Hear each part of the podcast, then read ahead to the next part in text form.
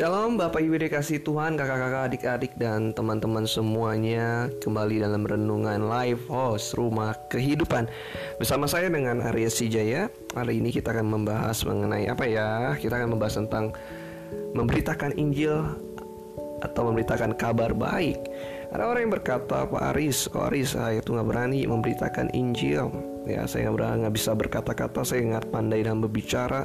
Saya nggak pandai untuk mengatakan sesuatu hal. Wah ada yang bilang saya takut juga kalau memberitakan Injil. Ya. Ya udah oke okay, kita akan menjadi surat yang terbuka.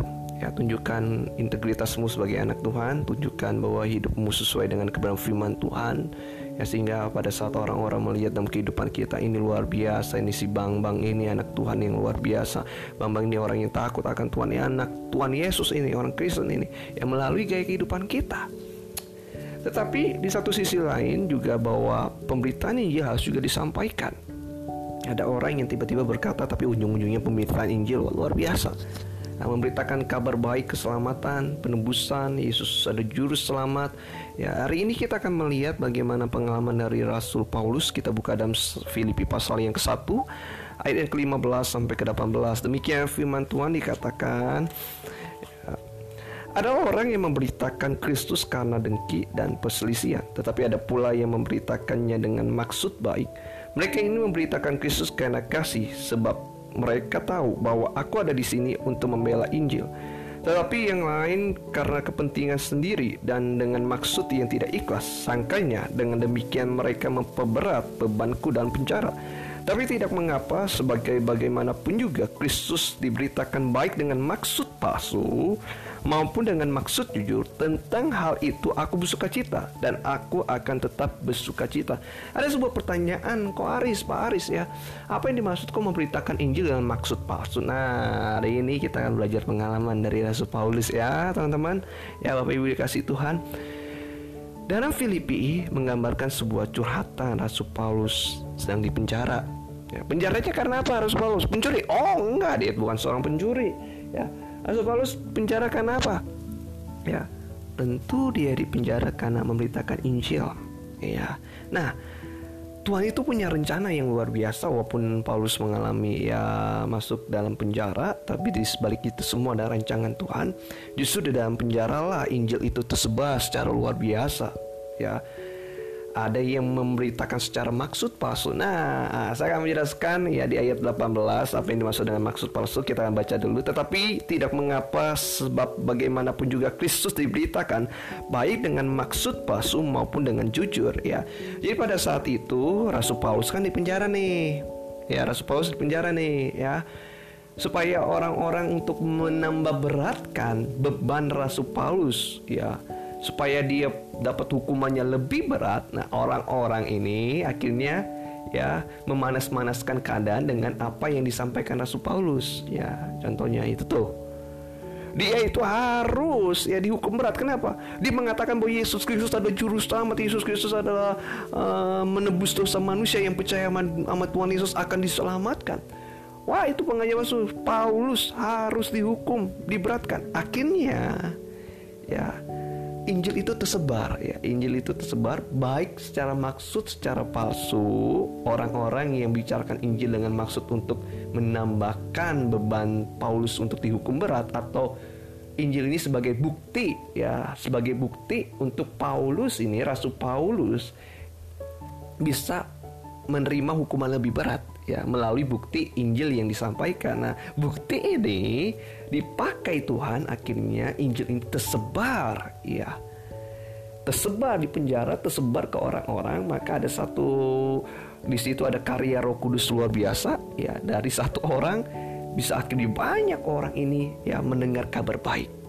Nah, maka dikatakan gini ya kalau kita lihat dia ya, masih dalam Filipi pasal yang ke-1 ya pada saat kita lihat di ayat yang ke-16 mereka ini memberitakan Kristus karena kasih sebab mereka tahu bahwa aku ada di sini untuk membela Injil. Ayat 17 tetapi yang lain karena kepentingan. Nah baik-baik ya kata kita lihat ayat 17 tetapi yang lain karena kepentingan sendiri dan dengan maksud yang tidak ikhlas. Sangkanya perhatikan ya ada kata sangkanya dengan demikian mereka memperberat bebanku dalam penjara disangka ya disangka mereka kalau kita ngomongin tentang Injil akan memperberat hukuman Paulus ketika kita ngomongin bahas tentang bukti Injil akan memperberat hukuman Paulus. Ya, padahal enggak justru di situlah ada suatu rencana Roh Kudus yang luar biasa.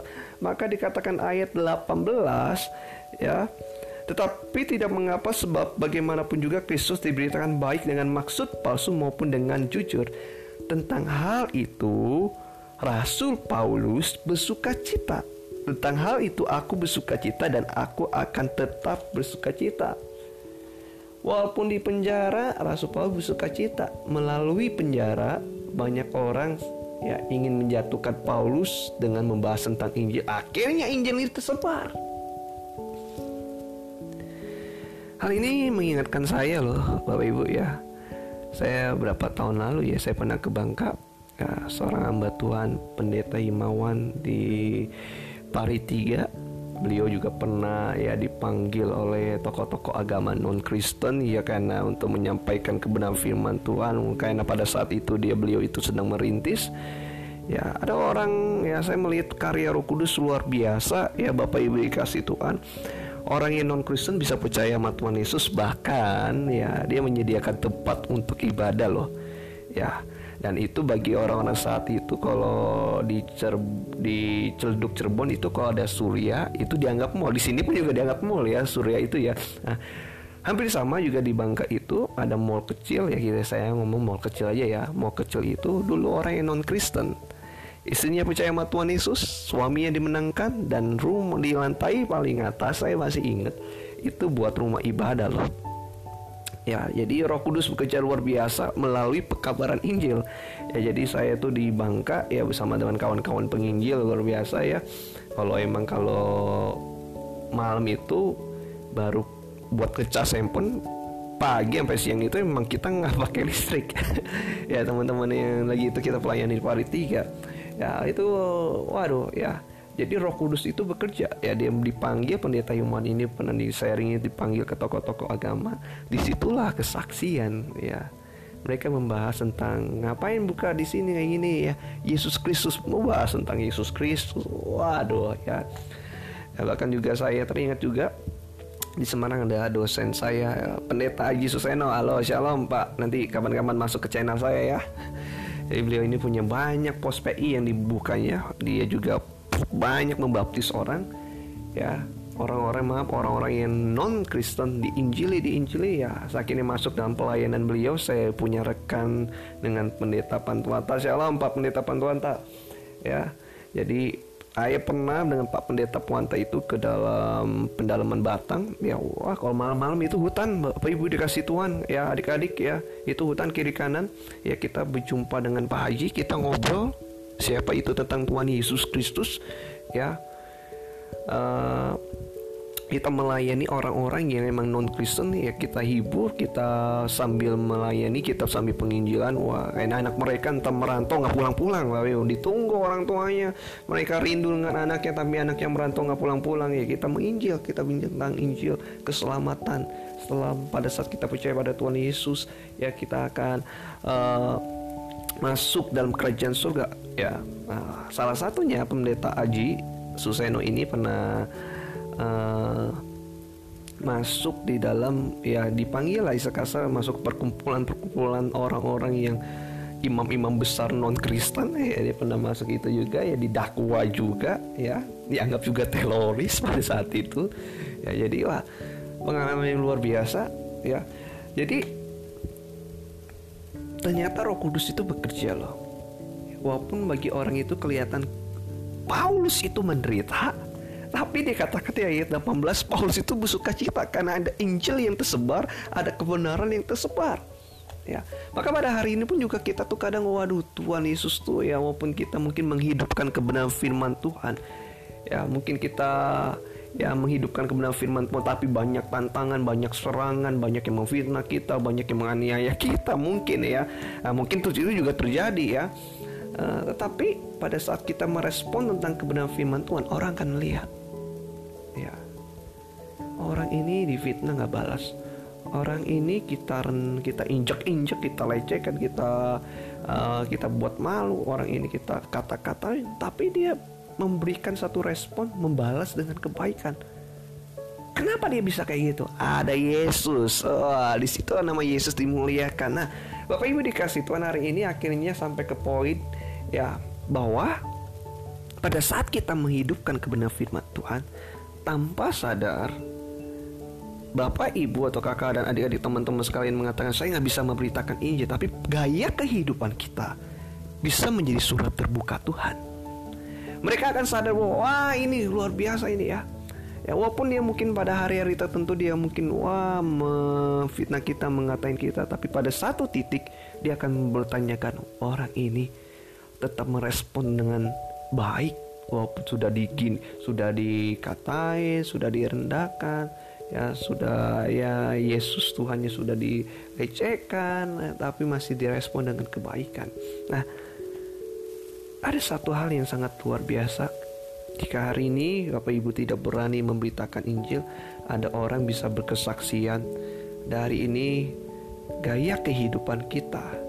Ya, walaupun di tengah-tengah penderitaan karena kebenaran ini ya. Ya, walaupun kita menderita karena kebenaran. Paulus ngomong tentang hal itu, aku bersuka cita dan aku akan tetap bersuka cita. Ya kita menjadi surat terbukanya Tuhan kita harus bersuka cita. Apa pun tantangannya apa pun yang terjadi dalam kehidupan kita kita mau bersuka cita. Amin Bapak Ibu dikasih Tuhan. Nah hari ini saatnya waktu-waktunya ya uh, kita melihat kembali rencana Tuhan ya. Rencana Tuhan dalam kehidupan kita untuk memberitakan kebenaran firman Tuhan melalui gaya kehidupan kita atau melalui bimbingan Roh Kudus memberanikan kita untuk memperkatakan bahwa Yesus adalah juru selamat setiap orang yang percaya kepadanya akan memperoleh mahkota kehidupan. Amin Bapak Ibu dikasih Tuhan. Hari ini ya saatnya kita bangkit kembali iman kita. Di tengah-tengah keadaan saat ini orang perlu Yesus Kristus Bapak Ibu. Di tengah saat ini Orang harus kenal Yesus Kristus. Mereka harus mengalami Yesus Kristus. Mereka harus mengalami kemenang. Sehingga pada saat mereka mati, mereka menerima Yesus sebagai juru selamat. Mereka masuk dalam kerajaan surga. Hari ini saya nggak tahu. Mungkin orang tua bapak ibu dikasih Tuhan. Orang tua kalian, ya kakak-kakak, adik-adik. Masih belum percaya pada Tuhan Yesus tunjukkan melalui gaya kehidupan. Kita nggak bisa ngomong Tuhan Yesus Kristus adalah Tuhan Ya, jika kita sendiri tidak menghidupkan kebenaran firman Tuhan itu menjadi batu sandungan. Ya, adik-adik dikasih Tuhan. Saatnya kita menjangkau jiwa-jiwa di tengah keadaan saat ini. Ya, melalui gaya kehidupan kita. Ya, melalui prestasi kita, melalui media sosial kita, melalui setiap segala apa pun yang Tuhan beri kapasitas untuk kita semua untuk kemuliaan lagi nama Tuhan. Amin. Haleluya. Oke, puji Tuhan hari ini pada hari ini kita bersyukur dalam Filipi pasal yang ke-1 ini ayat 15 sampai 18 mengingatkan kita kembali bahwa Roh Kudus terus bekerja untuk mendatangkan kebaikan semua untuk kemuliaan nama Tuhan, semuanya untuk keselamatan, injil ke kabar baik harus disampaikan. Hari ini mari kita tutup bungkus semuanya di dalam doa. Kita berdoa bersama-sama. Bapak dalam surga kami bersyukur Tuhan di dalam keadaan saat ini. Ayah kami tetap memberikan respon yang benar sesuai dengan kebenaran firman-Mu. Walaupun pada saat ini kami banyak tantangan Tapi ajar kami menjadi sholat terbuka Sehingga banyak orang bisa mengenali Yesus Kristus melalui gaya kehidupan kami. Bahkan juga Tuhan jika Engkau memberikan kami sebuah keberanian Untuk menyatakan kebenaran bahwa Yesus Kristus adalah Tuhan dan Juru Selamat Dan kami percaya Kau memberikan kami hikmat marifat Tuhan. Dan Paulus Tuhan pada saat dia di penjara dia bersuka cita selalu. Kenapa? Karena dia tahu ada rencana Tuhan pada saat dia bawa ke penjara. Ternyata Injil disebarkan pada saat dia di penjara. Dan Paulus mengatakan di ayat 18 tentang hal itu aku bersuka cita dan aku akan tetap bersuka cita walaupun ada di penjara. Tapi Injil tetap disebarkan. Haleluya. Hai bersyukur Tuhan jadikan kami jadi terang dan garam di dunia ini. Di dalam namamu ya Tuhan Yesus serahkan keluarga kami setiap sanak saudara kami dan serahkan orang tua kami, anak-anak kami, suami kami, istri kami. Biar Tuhan kau pakai mereka juga menjadi Tuhan alat engkau untuk menggarami dunia ini. Memperkenalkan Yesus Kristus. Hanya dalam nama Yesus kami berdoa. Haleluya, haleluya. Amin. Puji Tuhan, Bapak Ibu dikasih Tuhan, akhirnya akhir segmen ini selesai. Kakak-kakak dan adik-adik, terima kasih banyak. Dan biar kita menjadi pelita Tuhan. Ya, kita akan kembali ke segmen berikutnya. Ya, Tuhan Yesus berkati kita semua, tetap semangat, tetap jaga kesehatan di kondisi saat ini. Ya, jangan lupa ya tetap prioritaskan Tuhan di dalam hidupmu dan aktivitasmu. Tuhan Yesus berkati. Amin.